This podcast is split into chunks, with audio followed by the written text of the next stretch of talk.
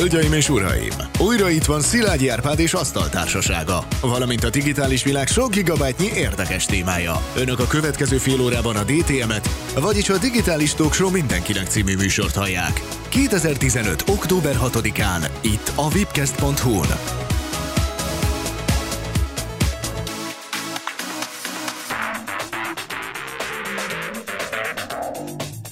Azt olvastuk egy előrejelzésben, hogy 2050-re általánosabb lesz a szex ember és robot között, mint ember és ember között. Dr. Ian Persson jövőkutató adta ki ezt a sokkoló jelentést, amit partnerségben készített a Brit Szigetország vezető szexuális segédeszköz forgalmazójával. Megnéztem ezt a cikket, ott volt egy ilyen szavazógép, és megkérték az olvasókat, hogy szavazzanak, hogy kinek érdekes, és kinek nem. Mit gondoltok, melyik válasz győzött? Érdekes. Milyen százalékarányokkal? 79 érdekes, 21 nem. Majdnem eltalált. Tehát 70% arra szavazott, hogy érdekes szexrobot, és 30% pedig undorítónak találta. Zoli, szerinted? Egyenlőre még nem tudom fölfogni az egészet, hogy hogy lehet következtetni bármire, és hogy lehet ezt mérni. Abból indultak ki, hogy hogyan fejlődtek ezek a szexuális segédeszközök, és hogyha ezekbe bevezetik ezeket az új típusú digitális technológiákat, akkor előbb-utóbb előállnak olyan robotok, amikkel lehet szexelni. Itt egy trendkutatást végeztek, aminek az a lényeg, hogy megnéztük, hogy most manapság mennyien néznek pornót, illetve illetve mennyien használnak szexuális segédeszközöket. Azt mondták, hogy valószínűleg a virtuális realitás, mint technológia el fog terjedni, a robotika is el fog terjedni, és ezeknek a technológiáknak általában, mint az internetnek is, vagy a mobiltelefonjának az első üzletileg is kifizetődő felhasználási területe az a pornográfia. Tehát kézenfekvő, hogy ezeket az eszközöket fogják erre is használni. Tehát akkor feltételezés. Feltételezés, nyilván egy komoly jövőkutató különböző forgatókönyvekkel számol, ez a legvalószínűbb, hogy ez meg fog történni. Sőt, amennyire tudom, Robesz foglalkozott is ezzel néhány évvel ezelőtt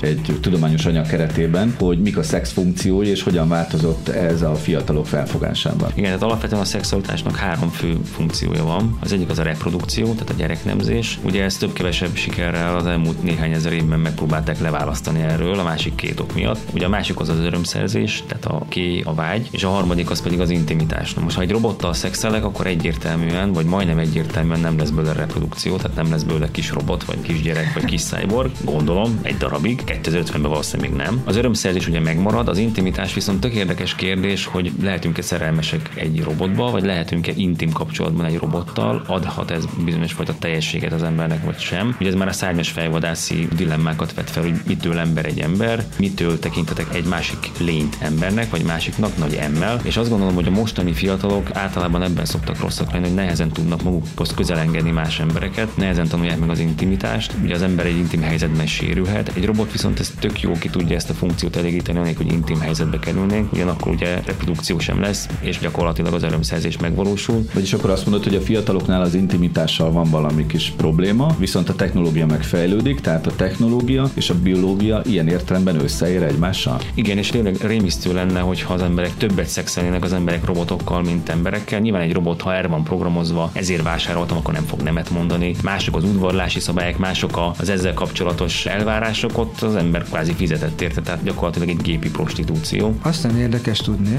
hogy a páros vagy társas szexel szemben mekkora az aránya az önkielégítésnek. Mert ez tulajdonképpen egy önkielégítés. Mármint a jelenben? Uh-huh.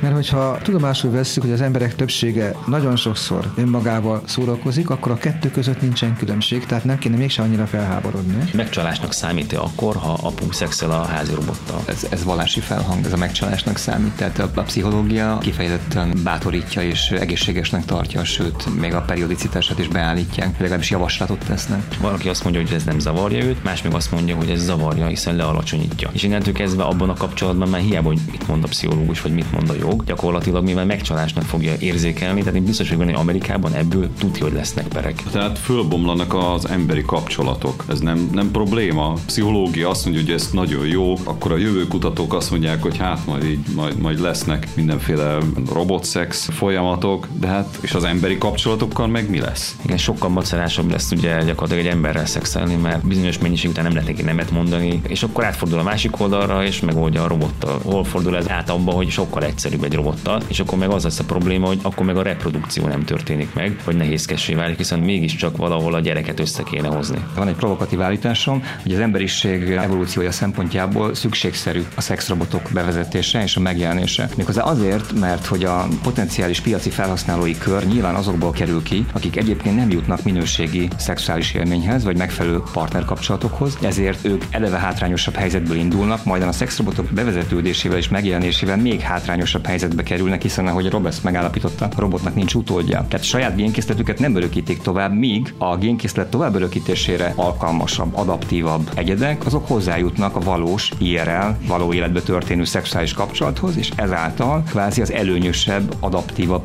tulajdonságokat preferálja az evolúció a szexrobotok bevezetésére. Nem ismerem mondani, hogy cyborgok leszünk néhány év múlva mindannyian. Ez 2050 környékén megyek, hogy a szingularitást, és aztán de ez egy másik téma. Szerintem 2050-ben majd visszatérünk mindenre. DTM.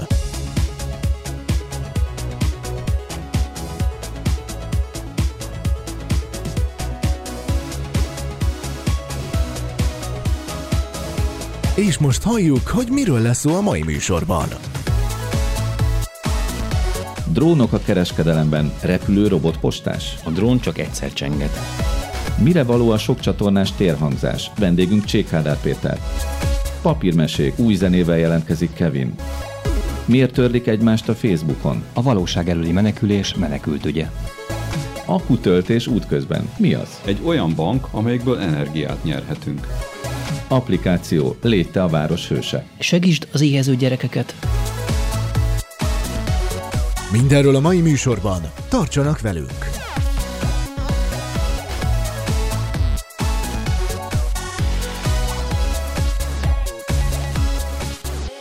És most bemutatom a Digitális Talkshow mai asztaltársaságát. Bódi Zoltán netnyelvész, az infószótár atya. Mindenkit üdvözlök. Pinter Robert, információs társadalomkutató és okostelefonteszt laborunk vezetője. Jó szurkolást. Szalai Dániel újságíró és applikációkutató. Köszöntelek benneteket. Justin Viktor, innovátor és a technológiai fejlesztések megszállottja. Szép estét mindenkinek! Velük beszélget a DTM házi és rendszergazdája, Szilágyi Árpád. Elgondolkodtam azon, hogy a mai fiataloknak, a mai tinédzsereknek milyen ideájuk vagy példaképeik lehetnek. Leginkább szerintem a filmekből jöhetnek a Vasember, James Bond vagy Indiana Jones, mondjatok még egy-két ilyen figurát, akik feltűnhetnek. Amerika kapitány. Amerika kapitány. Na most képzeltek el, hogy nekem én, amikor tinédzser voltam, milyen példaképem lehetett. Én ugyanis ilyen 13 éves korom környékén olvastam egy Diszkónika című könyvet, és annak a szerzője lett az én egyik példaképem, aki egyébként most itt van a stúdióban velünk, Csékádár Péter. Csá. Aki hangmérnök egyébként, de nézzétek meg, ilyen példaképen van nekem. szóval ő az, aki írta ezt a Diszkónika című könyvet, én akkor zúgtam bele a rádiózásba, mondhatjuk ilyen egyszerűen, mert abban a könyvben volt egy fejezet, jó hosszan írta le, hogy hogyan működik a rádió. Igen, én is emlékszem, mintha lett volna benne egy ilyen fejezet. És leírta, hogy hogyan kell egy keverőt fölépíteni, hogyan kell stúdiót építeni, hogy működnek a műsorok, mi történik egy rádióstúdióban. De nem erről fogunk vele beszélgetni, hanem egy csomó minden másról. De például ebben a Diszkónika könyvben olvastam arról is, hogy térhatású koncerteket is szerveztek, például a 70-es évek végén Quadróban már a Pink Floyd zenekar Fal című művét is bemutatták, mégpedig úgy, hogy négy csatornában szólt a koncert, és a koncert közben fölépítettek egy téglafalat. Ezt a te könyvedben Igen. olvastam. Tényleg megcsinálták azt, hogy koncerteket rendeztek, nem csak a Pink Floyd, a Who is, és még néhány más, egy nagy együttes is, úgy, hogy nem csak előről, tehát nem csak a színpadról szólt a hang, hanem hátulról, meg oldalról. Ezzel a témával majd folytatjuk. Csékeder Péter hangmérnök a vendégünk, akivel majd a sok csatornás hangrendszerekről beszélgetünk, hogy ez miért érdekes ma. DTM. Hírek a digitális világból. Titcoin, így hívják azt a rendszert, amiről nem tudjuk most, hogy ez egy pikáns fizetőeszköz, vagy pedig prostitúció. Pintér Robert. Igen, cici pénz, így is lehetne mondani. Egy nagyon érdekes hírre bukkantam pár hete, meg is osztottam itt a társasággal, meg tágabb körben, hogy Amsterdamban egy, egy bárban lehet cici villantással fizetni a sörért. Ami így elsőre hülyeségnek hangzik, mert nyilván a csapos látja meg még néhányan, de valójában emögött egy komoly üzleti logika van. Még Már pedig tisztázunk a nőknek a ciciét, vagy másoknak a ciciét is fel lehet mutatni? ott a bárban alapvetően a nők a saját ciciüket tudják felmutatni, tehát felhúzzák a pólójukat, lefényképezi a csapos, szigorúan úgy, hogy nincs rajta a feje az illetőnek, tehát hogy anonim, hogy csak a cicie nem ismerős valakinek. Ezt a képet föltöltik a Pornhubra, ami az egyik legnagyobb pornószolgáltató, mivel ott alapvetően nagy igény van az amatőr női mellekre. Mert Amatőr női mellek, ez nagyon tetszik. és ezek után megkapja a sörét ingyen. Arról nem szól a fáma, hogyha ugyanez a hölgy még egyszer szeretne rendelni, akkor mit csináljon? Vagy vannak ennek egy másik megoldása, otthon is lehet ezt használni,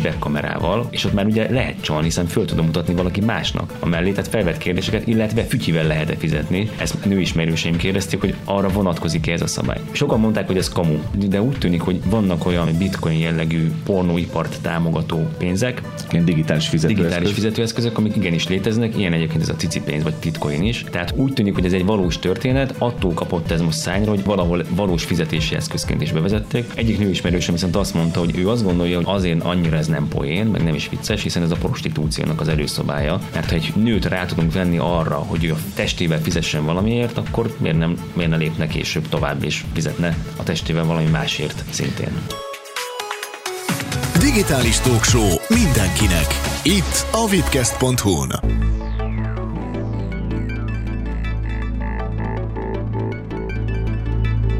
Folytassuk a híreket. A bitcoin ugyebár egy digitális fizetőeszköz. Ennek a nevére hallja az a következő, a Bitrubel. Justin Viktor. Az orosz Kiwi nevű vállalat 2016 elejére ígéri a Bitrubel bevezetését, ami talán nem annyira meglepő tekintettel a mostanában építkező eurázsiai gazdasági térségre és az ott bevezetendő külön pénzügyi elszámolásra, ugye le akar ez a világ, fogalmazom most teljesen apolitikusan válni a dollár elszámolásról, és ennek talán egy leánygyermeke az, hogy a Bitrubel néven bevezetik a digitális virtuális valutájukat is. Ugyanúgy működik, mint a bitcoin? Gyakorlatilag igen, de vannak komoly eltérések. Például a bitcoin ugye anonim pénzügyi tranzakciókat tesz lehetővé, a Bitrubel nem. Az orosz jegybank már nyilatkozott, hogy mivel a digitális virtuális valuták lehetőséget adnak komoly visszaélésekre és ellenőrizetlen vagyonok felhalmozására, ezért ő részt szeretne venni ennek a bevezetésében, és részt is fog valószínűleg.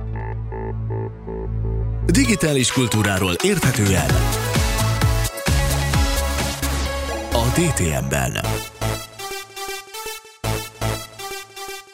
A Facebook bejelentette, hogy műholdon fog internetet szolgáltatni, de vajon miért? Szalaj Dániel. Afrikai embereket szeretnének elérni így, akik egyébként nem jutnának hozzá internethez. A nagyon komoly probléma egyébként az ENSZ adatta alapján teljes földi lakosságnak az 57%-a nem fér hozzá mai napig az internethez. És gépük van, csak éppen internet nincs? Hát az eszköz is probléma nyilvánvalóan, de a fő probléma az, hogy Afrikában, ahol van is internet, az nagyon drága. Van olyan ország egyébként, ahol 10% körüli az internetes penetráció, tehát az internetnek az elterjedtsége, ez nagyon-nagyon alacsony, és ezen szeretne javítani a Facebook. Ez neki jó szolgálati tevékenység vagy üzlet? Ők úgy állítják be, hogy ez egy jó szolgálati tevékenység. Igen, azért nyilván látják mögötte a lehetőségeket is, hogy mondjuk egy új felhasználót, itt nagyon sok új felhasználót el tudnak így majd érni a Facebookra, be tudnak hozni új embereket. Egyébként az Eutelsat műholdas céggel szövetkeztek, és 2016 második felében fog ez beindulni, megvalósulni. Ingyenesen lehet majd használni az internetet.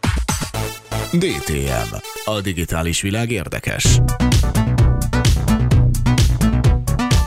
A jelek szerint a digitális technika újra a postások munkájára fenni a fogát, ugyanis az e-mail hatására átalakult ugyebár a levelezés, de most már a hagyományos csomagkézbesítés sincsen olyan biztonságban a postásoknál, ugyanis jönnek a drónok, amikkel csomagot ki lehet szállítani, hogyha jók az értesüléseink, ugyanis erről beszéltek az idei Internet Hungary konferencián. Mit hallottál, Pintér Robert? Igen, múlt héten volt az Internet Hungary, én végültem két napot az e-kereskedelmi teremben. Hát sajnos mindenről nem tudunk beszélni, elhoztam nektek azt a témát, ami laikusok számára is szerintem teljesen érdekes. Ez pedig az, hogy autonóm repülésre képes pilóta nélküli légi járművek, ugye ez a drónnak igazándiból a definíciója. Ezek használhatóak csomagkézbesítésre. Az Amazon például azt mondja, hogy az ő csomagjainak, amit rendszerint kiszokott küldeni, a 86%-át azt akár drónokkal is ki tudná szállítani, és több cég is dolgozik már azon, például a Google, kisebb cégek, hogy drónokkal hogyan lehetne kiszállítani csomagot. De tényleg hogyan? Tehát egy drón nem tud bekopogtatni az ajtómon. Több probléma van, ugye, ahogy korábban mondtuk, valószínűleg csengetni fog, hogy hogyan tudok például átvenni egy csomagot. De az is problémás, hogy egy drónnak a töltése az általában 15-30 percre elég, tehát lehet húzni egy ilyen akciórádiuszt, egy kört a raktár köré. Ez az a kör, ahol ki tudnak szállítani nagyon gyorsan csomagot. És hogy ne csak oda menjen, hanem még vissza is Igen, érjen. ez itt kb. 10 mérföldes hatótávolság, nyilván függ az időjárástól, a GPS nem működik mindenhol, biztonsági kérdések vannak, ugye tudjuk, hogy állatok támadtak meg drónokat. De ez tényleg kevésnek tűnik ez a 15 perc. Tehát akkor ez azt jelenti, hogy, hogy oda megy pár perc alatt, gyorsan át kell venni a, a hogyha ott van egyáltalán a címzet, átvenni gyorsan a csomagot, és aztán még visszaérne a, a további fennmaradó 7 perc alatt. postán visszaküldeni. És alapvetően, amiről még beszélt két előadónk is volt, Mester Máté, mint jogász, hogy ennek alapvetően jogi kihívásai is vannak. Alapvetően egy ilyen szabályozási hullám előtt vagyunk. Az a helyzet, hogy 150 kg alatt, ha valami repül, akkor az nemzeti körbe tartozik, tehát hogy minden országnak saját magának kellene szabályozást hozni. Amerikában ezt nem igazán tették meg, hogy az FAA dolgozik ezen a szabályozáson. Van is egyébként olyan cég, például az Amazon, mert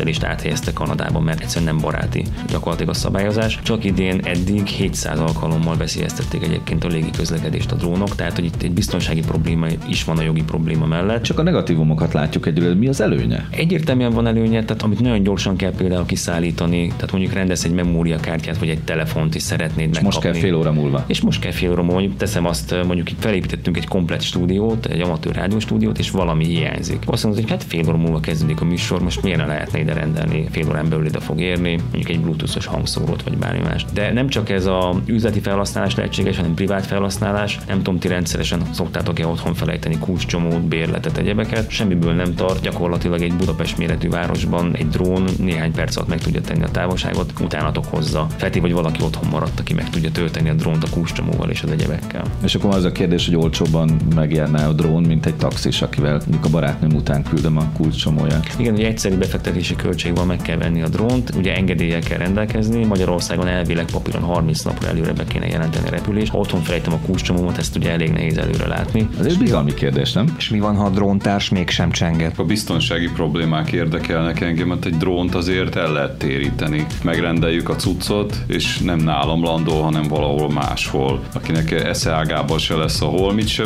visszaadni, meg a drónt is viszi magával. És Akkor aztán te bizonyíts be, hogy nem És vetted akkor át. bizony, igen, hát semmiképpen nem De tudom. ezért az átadásnál nyilván most is, hogy a postást vagy a futárt ugyanúgy el lehet téríteni, hiszen mehet egy másik címre, mint ahova ment. Tehát, hogy ez igazából nem új, ezt jól körülhatárolt folyamatokkal kell lezárni. Én sokkal jobban megbíznék a drónban, mint a postásban, mert nyilvánvalóan GPS is van rajta, tehát rögzíteni lehet a központban, hogy merre járt a drón, és vissza lehet követni. Tehát ha nem volt ott, akkor egyértelműen látszódik. Mit mondtak a konferencián, hogy ez mikor köszönhet be gyakorlatban ez az időszak? Hát egy szabályozási hullámot emlegetnek, amúgy 2024 és 28 közöttre tervezik azt, hogy egy határokon átnyúló szabályozott módon repülhetnek a drónok, amiben az a vicc, hogy ha 15 percet repülhet, akkor nagyon gyorsan kell neki repülni, hogy határok között is át tudjon menni. De szerintem ezt meg fogják oldani, és valószínűleg egy globális szabályozásra van szükség. Tehát egységesen kell kezelni, nem lehet majd ezt nemzeti körben megtartani ezt a témát. Én azt gondolom, hogy paradigmaváltás a drón. Rakjuk össze, rakjuk paralel az autóvezetés betiltásával, amiről a múltkor beszéltél, Robert. Szerintem ez a kettő nagyjából egy, egy időben fog ezek szerint bekövetkezni, és a, a, nekem a ló autóváltáshoz hasonlít ez a történet. Meg lesz ennek kimunkája az emberiség, kikísérletezi, hogy mi lesz ennek a megfelelő felhasználása, és arra fogja használni. Valószínűleg repkedni fogunk, ezt baromira szeretnénk. Digitális Talkshow. Két hetente az Asztaltársasággal.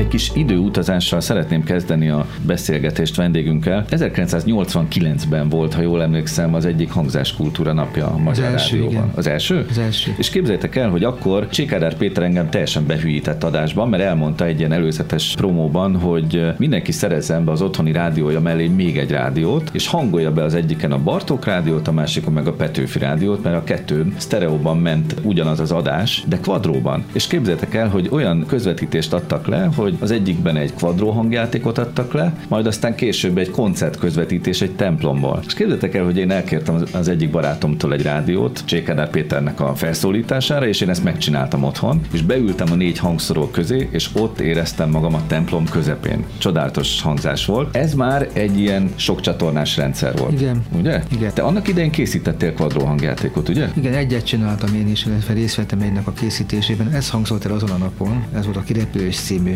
hangjáték, amit hát nagyon szépen meg lehetett csinálni úgy, hogy hol hangsikokat váltogattunk a négy hangszóró között, hol egy egységes teret képeztünk le. Mert ugye a Lehetett- hallgatók tudják ezt elképzelni, nem csak jobbra-balra mehet a hang, hanem mögénk is. Mögénk is mehet, így van. Sőt, körbe- Lehet, körbe. lehetett forgatni, és így van, és hát nagyon sokat játszottunk ezzel. Egy olyan darabot választottunk, ami erre alkalmas, és ez egy nagyon fontos dolog, hogy nem minden műalkotás alkalmas mindenre. Ez nagyon kreatív munka lehetett neked, de mennyire nehéz egy kvadró hangjátékot elkészíteni? Na nagyon, minden műalkotás hallgatást nehéz elkészíteni, azért, mert a tartalmat és a technikai megvalósítást tovább az akusztikát össze kell egymással hangolni. Tehát tudni kell azt, hogy mikor lehet valamit megmozgatni, mikor kell csendben maradni akár egy hangjátékban. Most egy hangjátékban a zene, a csend, a beszéd, a ritmus, a tér, az irányok, azok így valamilyen fajta egységet kell, hogy képezzenek, hogyha az ember jót akar csinálni. Nagyon érdekes volt ennek a hangjátéknak az eleje meg a vége. Az eleje az úgy kezdődik, hogy kivégzése felsorokozik egy kivégző osztag, aztán amikor elhangzik a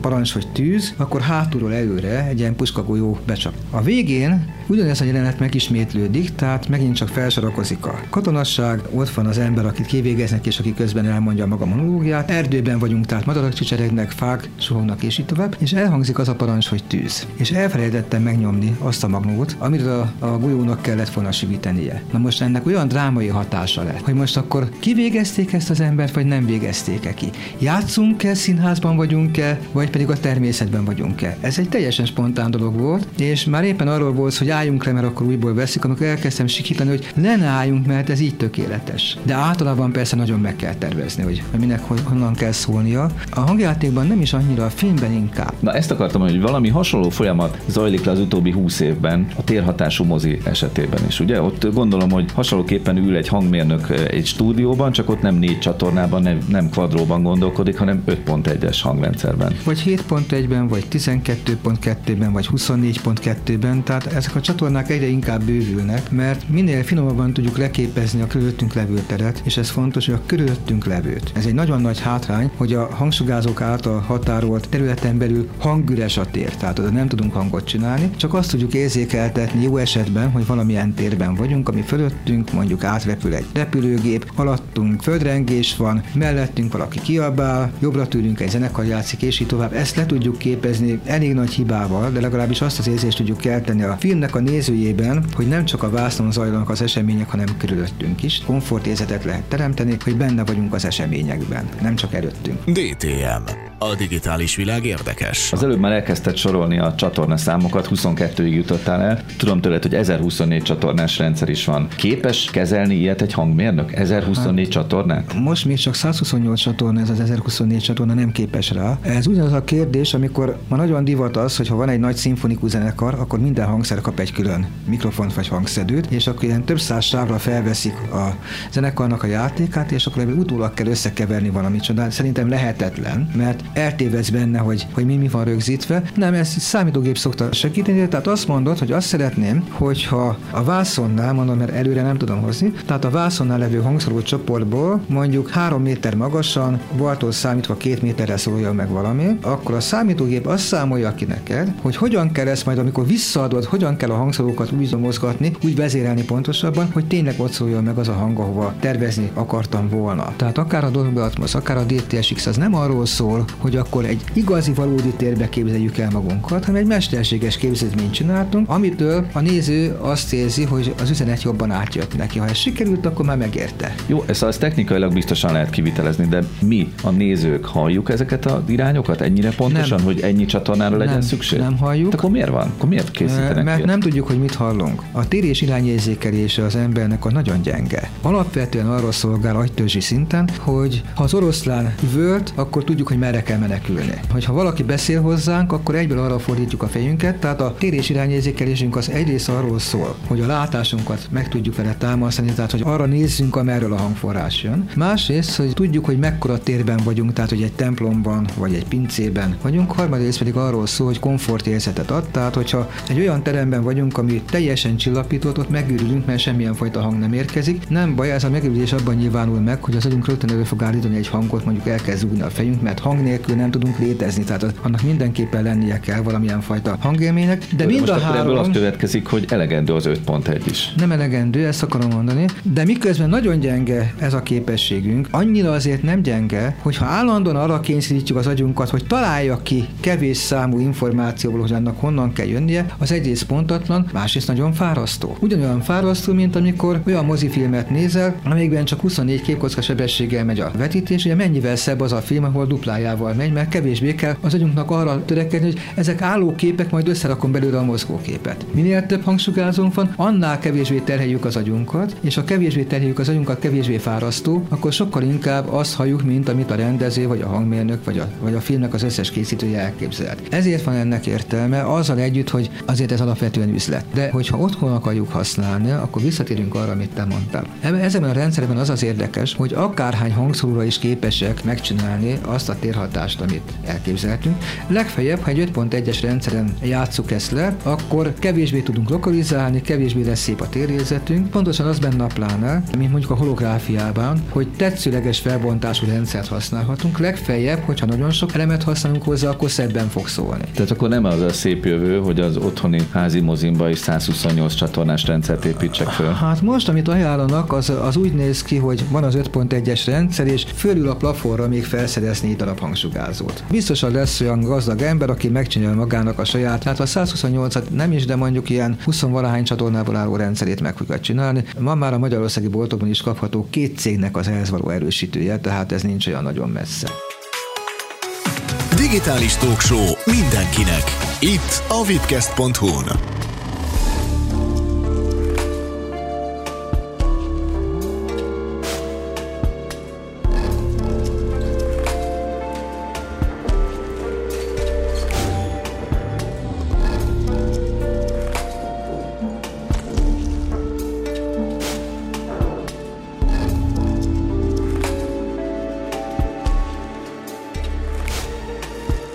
Melankólikus cinematik elektronika ezt írta nekem e-mailben Kevin, vagyis Fodor Attila, aki ugye nekünk régi ismerősünk, mert a műsorunkban hosszú időn keresztül hozott mindenféle érdekességeket a digitális zene készítéséről. Mi az, hogy melankólikus cinematik elektronika filmzenét készítesz? hát részben, igen. Egyrészt az, hogy cinematik, az tényleg arra vonatkozik, hogy elég filmes hangulatúak a zenék, olyan sztorizósak, mint hogyha tényleg egy filmből ugrana elő. Az, hogy melankólikus, az egyszerűen nekem gyerekkorom óta sok olyasmi zenét hallgattam, ami ilyen nagyon utazós, mélázós, emiatt ez, ez ilyen nagyon közel áll hozzá a melankólia, amikor zenéket írok. Hát, hogy elektronika, az pedig arra vonatkozik, hogy ez egy ilyen sound design alapú elektronikus zene, amiben lényegében a zajok, zörejek mögé bújtatom ezt a melankólikus, sztorizós zenét.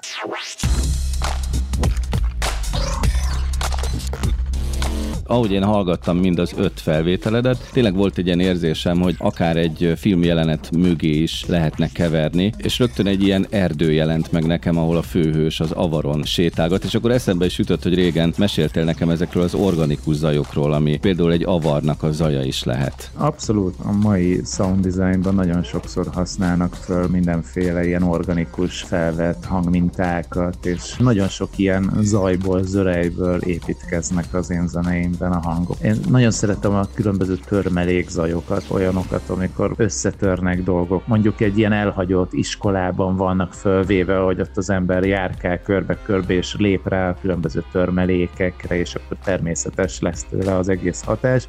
És hogyha ezeket a hangokat használom föl a különböző saját produkcióimba, akkor ettől lesz egy tényleg egy kicsit természetes hangulata az egésznek, annak ellenére, hogy minden lényegében stúdióban és elektronikusan készül. Thank you. Azt hadáruljam el a hallgatóinknak, hogy a lemezednek az a címe, hogy papírmesék. Nem papírmasék, hanem papírmesék. Utal esetleg ezekre az organikus zajokra, és hogy papír zajok is vannak benne? Azok is vannak egyébként, bár nem feltétlenül ez volt az oka a címadásnak. Inkább arra próbál utalni a mesék, hogy tényleg ilyen nagyon sztorizós, filmszerű az egésznek a hangulata. Másrészt, hogyha így a számcímeken is az ember végigfut, akkor látja, hogy mindegyik valami fajta képregényes utalás utalás, tehát hogy lényegében valami képregényes, papírra rajzolt sztorik köré van az egész építve.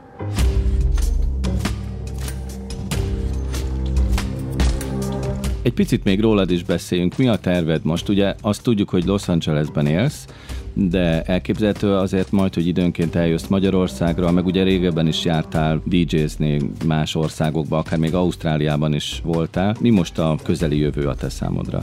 Mielőtt kijöttem, egy pár évig nem jöttem például Észak-Amerikába játszani, de előtte ide is, Kaliforniába is sokszor jöttem, viszont most ez nagyon jó, hogy itt vagyok, sokkal könnyebben tudnak hívni a környéken, úgyhogy most itt volt pár fesztivál, meg különböző klubfellépések ezen a, tehát a Fine Cut Bellies projekttel is, amellett, hogy közben meg a itthon dolgozok az új zenéken, meg a különböző projekteken. Nagyon hasonlóan mennek a dolgok, mint otthon, csak most más közegben vagyok, ugye más emberekkel iszik meg az ember egy kávét, más helyekre könnyebb eljutnom, mint mondjuk Budapestről. És más Tehát, együttműködésekről is beszélsz velük. Persze, persze.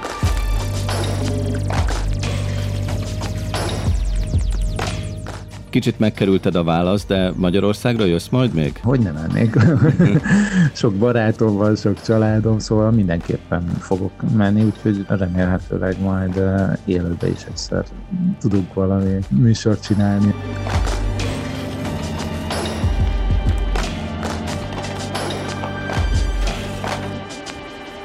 Digitális kultúráról érthetően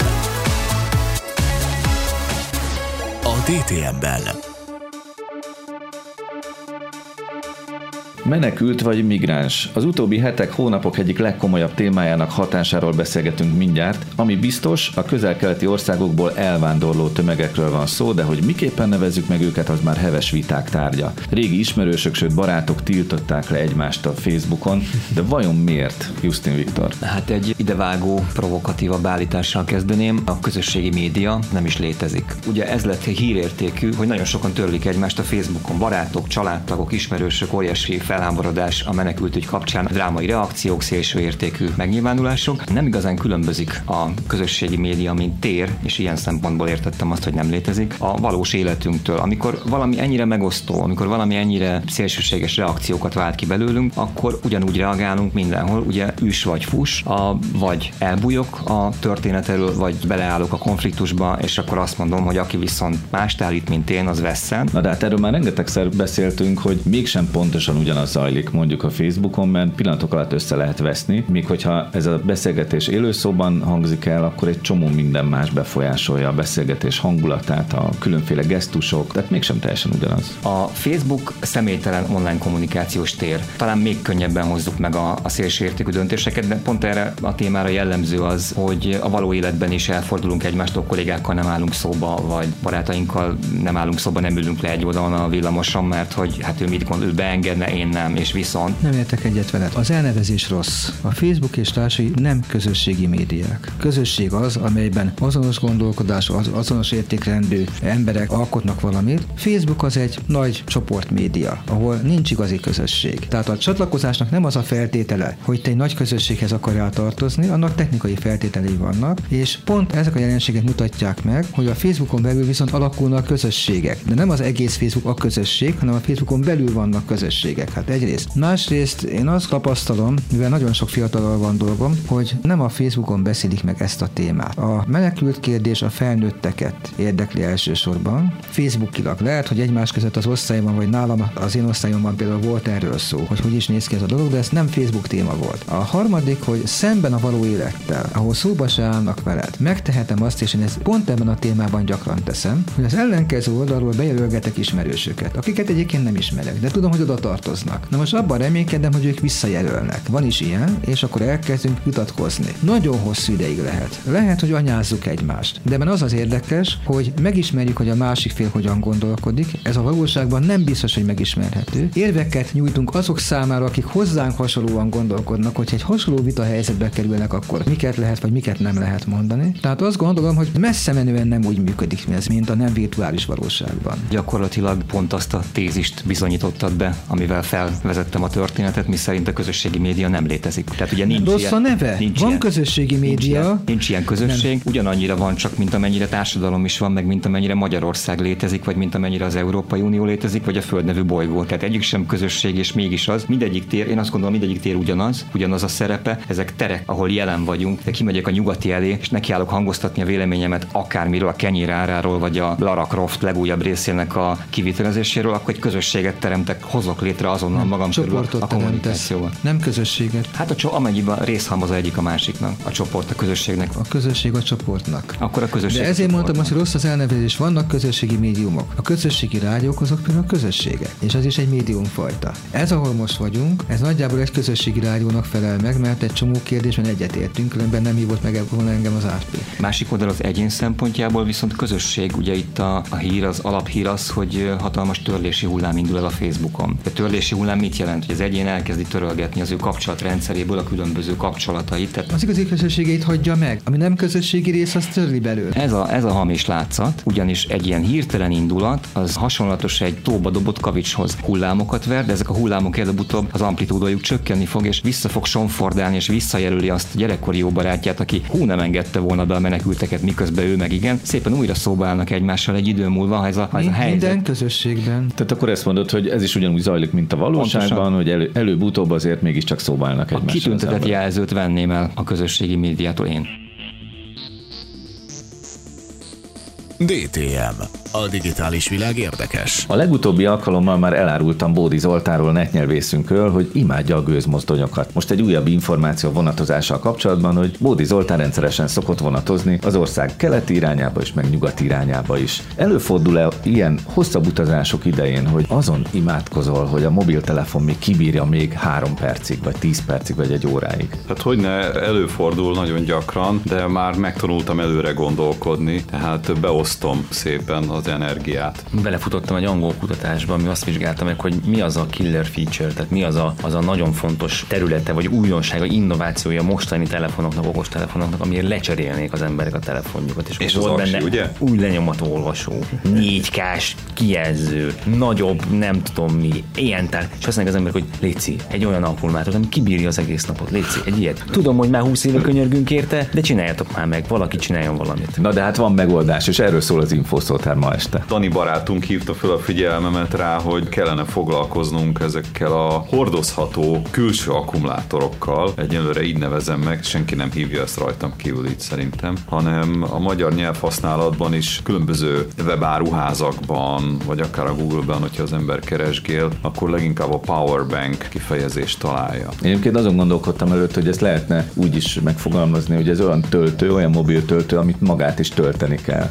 Töltött töltő. Én inkább úgy mondanám, úgy közelíteném meg, hogy ez egy akkumulátor, vagy második aksi, amit viszek magammal, és kábellel össze tudom kapcsolni az alapkészülékkel, és ennyi. Szóval powerbanknek hívják, Powerbank. de a név maga miért érdekes nekünk? Ugye lehetne akkumulátornak is nevezni. De nem annak nevezzük, és ettől már érdekes. És a másik, ami számomra érdekes, hogy mit keres ott a bank, a bank. Nem azért, hogy Adatbank. beteszünk, kiveszünk. Vagy adatbank, igen, ott is van. Az is érdekes, hogy mitől bank az a bank. Szóval nem lehet, hogy ez az alapja, hogy beteszünk, kiveszünk. Itt is beleteszünk és kivesszük. ami közte van, tudnétok, hogy fölhalmozódik benne valami. Összegyűlik, felhalmozódik, fel lehet tölteni a dolgot. Ez a banknak az alapjelentése. A pénzügyi bankok, tehát az utcáról bemegyünk az akár még fiókba, ott ugyanezt történik, csak pénz van benne. Meg pénzt lehet kivenni, berakni, tehát ott pénzt halmoznak föl. A powerbankben pedig energiát, teljesítményt, erőt, power, azt töltik meg benne. Bár jól tudom, a bank, és igazándiból az egy, egy padot jelent, ahol a pénzváltók dolgoztak, akik elkezdtek kölcsönözni, tehát igazándiból ez egy ilyen erőpad gyakorlatilag, ha magyarra szeretnénk fordítani, tehát már egy jelentős jelentés módosuláson ment át a bank kifejezés is az eredetihez képest, és ezért fantasztikus, hogy honnan kezdődött. Tényleg egy padon ültek ezek a szerencsétlen pénzváltók, akik egy idő után elkezdtek kölcsönöket nyújtani a tengerészeknek, meg a kereskedőknek, és aztán így lett belőle gyakorlatilag egy bankintézmény, és azt elköltöztek máshová, de megmaradt a pad, mint eredeti kifejezés. Miért a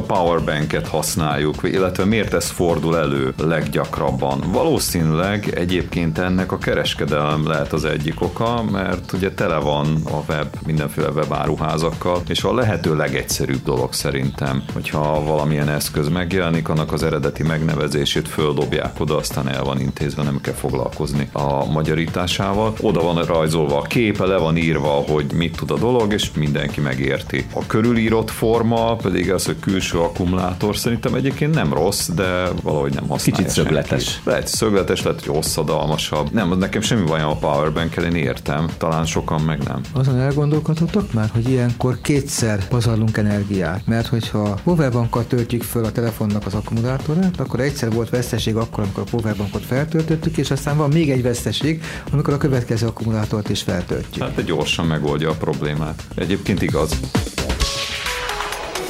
Digitális Talkshow. Két hetente az Asztaltársasággal. Te leszel a város hőse. Ezt ígéri az az oldal, amit Szalai Dániel mutatott nekem ma délután, pedig kicsit nekem emelem szagú volt ott a szöveg, de aztán meggyőzött nagyon a tartalom, amit találtam, mert a cél mégiscsak az, hogy éhező gyerekeket segítsenek meg egy szolgáltatás által. Egy nagyon jó szándékú kezdeményezésről van szó, ez a Városban blog kezdeményezése, akik a gyermekétkeztetési alapítványjal fogtak össze, és ez egy applikáció, ami elérhető egyébként iOS-re, Androidra és Windows Phone-ra is, hamarosan pedig lesz Blackberry-re, és az a lényege, hogy ugye ez a blog arról ismert, vagy legalábbis arra jó, hogy helyeket, éttermeket, hamburgerezőket és mindenféle létesítményeket járnak végig, tesztelik, tehát bemennek, beülnek, és utána írnak róla kritikát, és az applikációban ezt egy térképen jelenítik meg, hogy hol lehet enni, és ott az adott kritikákat is oda feltüntetik mellette. De jól tudom, hogy csak a drágább helyek kerülnek be, ugye? Nem, akikkel összefogtak, tehát itt Budapesten belül a belvárosi és különböző helyek vannak benne. Ez folyamatosan bővül egyébként ez a kör. Most egy olyan 20 helyet láttam rajta, akik ebbe becsatlakoztak. Egy térképen lehet látni ezeket a helyeket feltüntetve, illetve van hozzá ugye a kritika, amit lehet látni, és a különböző szokásos információk, nyitva tartás, és stb. stb. De nem ez az igazán nagy újdonság benne, hanem az, hogy az alapítványjal összefogva, aki vállalja, hogy az alapítványnak befizet egy összeget, az ezekben az éttermekben vagy ezeken a étkező helyeken olcsóbban tudnak vásárolni. Tehát magyarán te befizetsz 3000 forintot a gyermekétkeztetési alapítványnak havonta, viszont cserébe különböző helyeken 10-20%-kal tudsz olcsóbban enni, és így végül is jó járnak a gyerekek, jó jársz te is, mert végreményben nagyobb kedvezményt kapsz, mint amit befizettél. Néhány étterembe járás után visszajön ez a befizetett összeg, vagy amit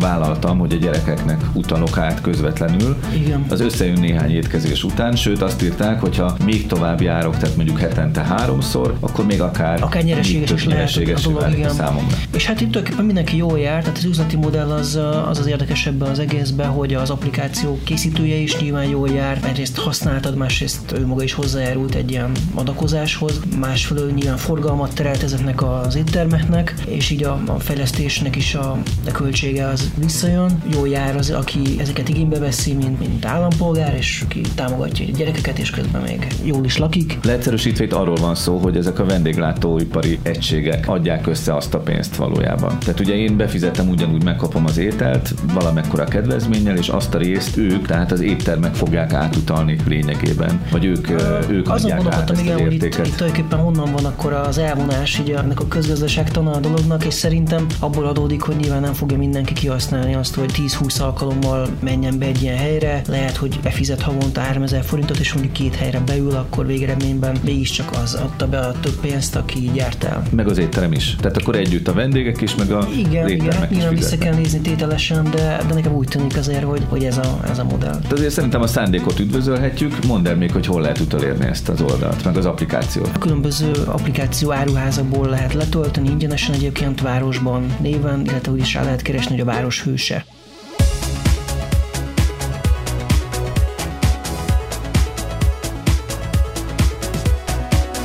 Véget ért a mai digitális talk de a korábbi adásainkat akár most azonnal újra hallgathatják a vipcast.hu oldalon. Várjuk az önök véleményét Facebook oldalunkon, aminek címét szintén a vipcast.hu-n találják meg. Két hét múlva pedig újra jelentkezik a DTM. Ízelítő a témákból. Mit gondolnak a netezők a személyre szabott internetes reklámokról? Figyelmeztetés. A pornó, amit nézel, figyel téged. Aztán kutatás a családi internetezési szokásokról, és tanács, hogyan szervezzük a nyaralást az internetes térkép segítségével. A mai asztaltársaság tagjai voltak Bódi Zoltán, Justin Viktor, Pintér Robert, Szalai Dániel, Csíkádár Péter és természetesen Szilágyi Árpád. A hangtechnikusunk Soltész Levente, a szignálzenét Lukesnek köszönjük. Viszont hallásra!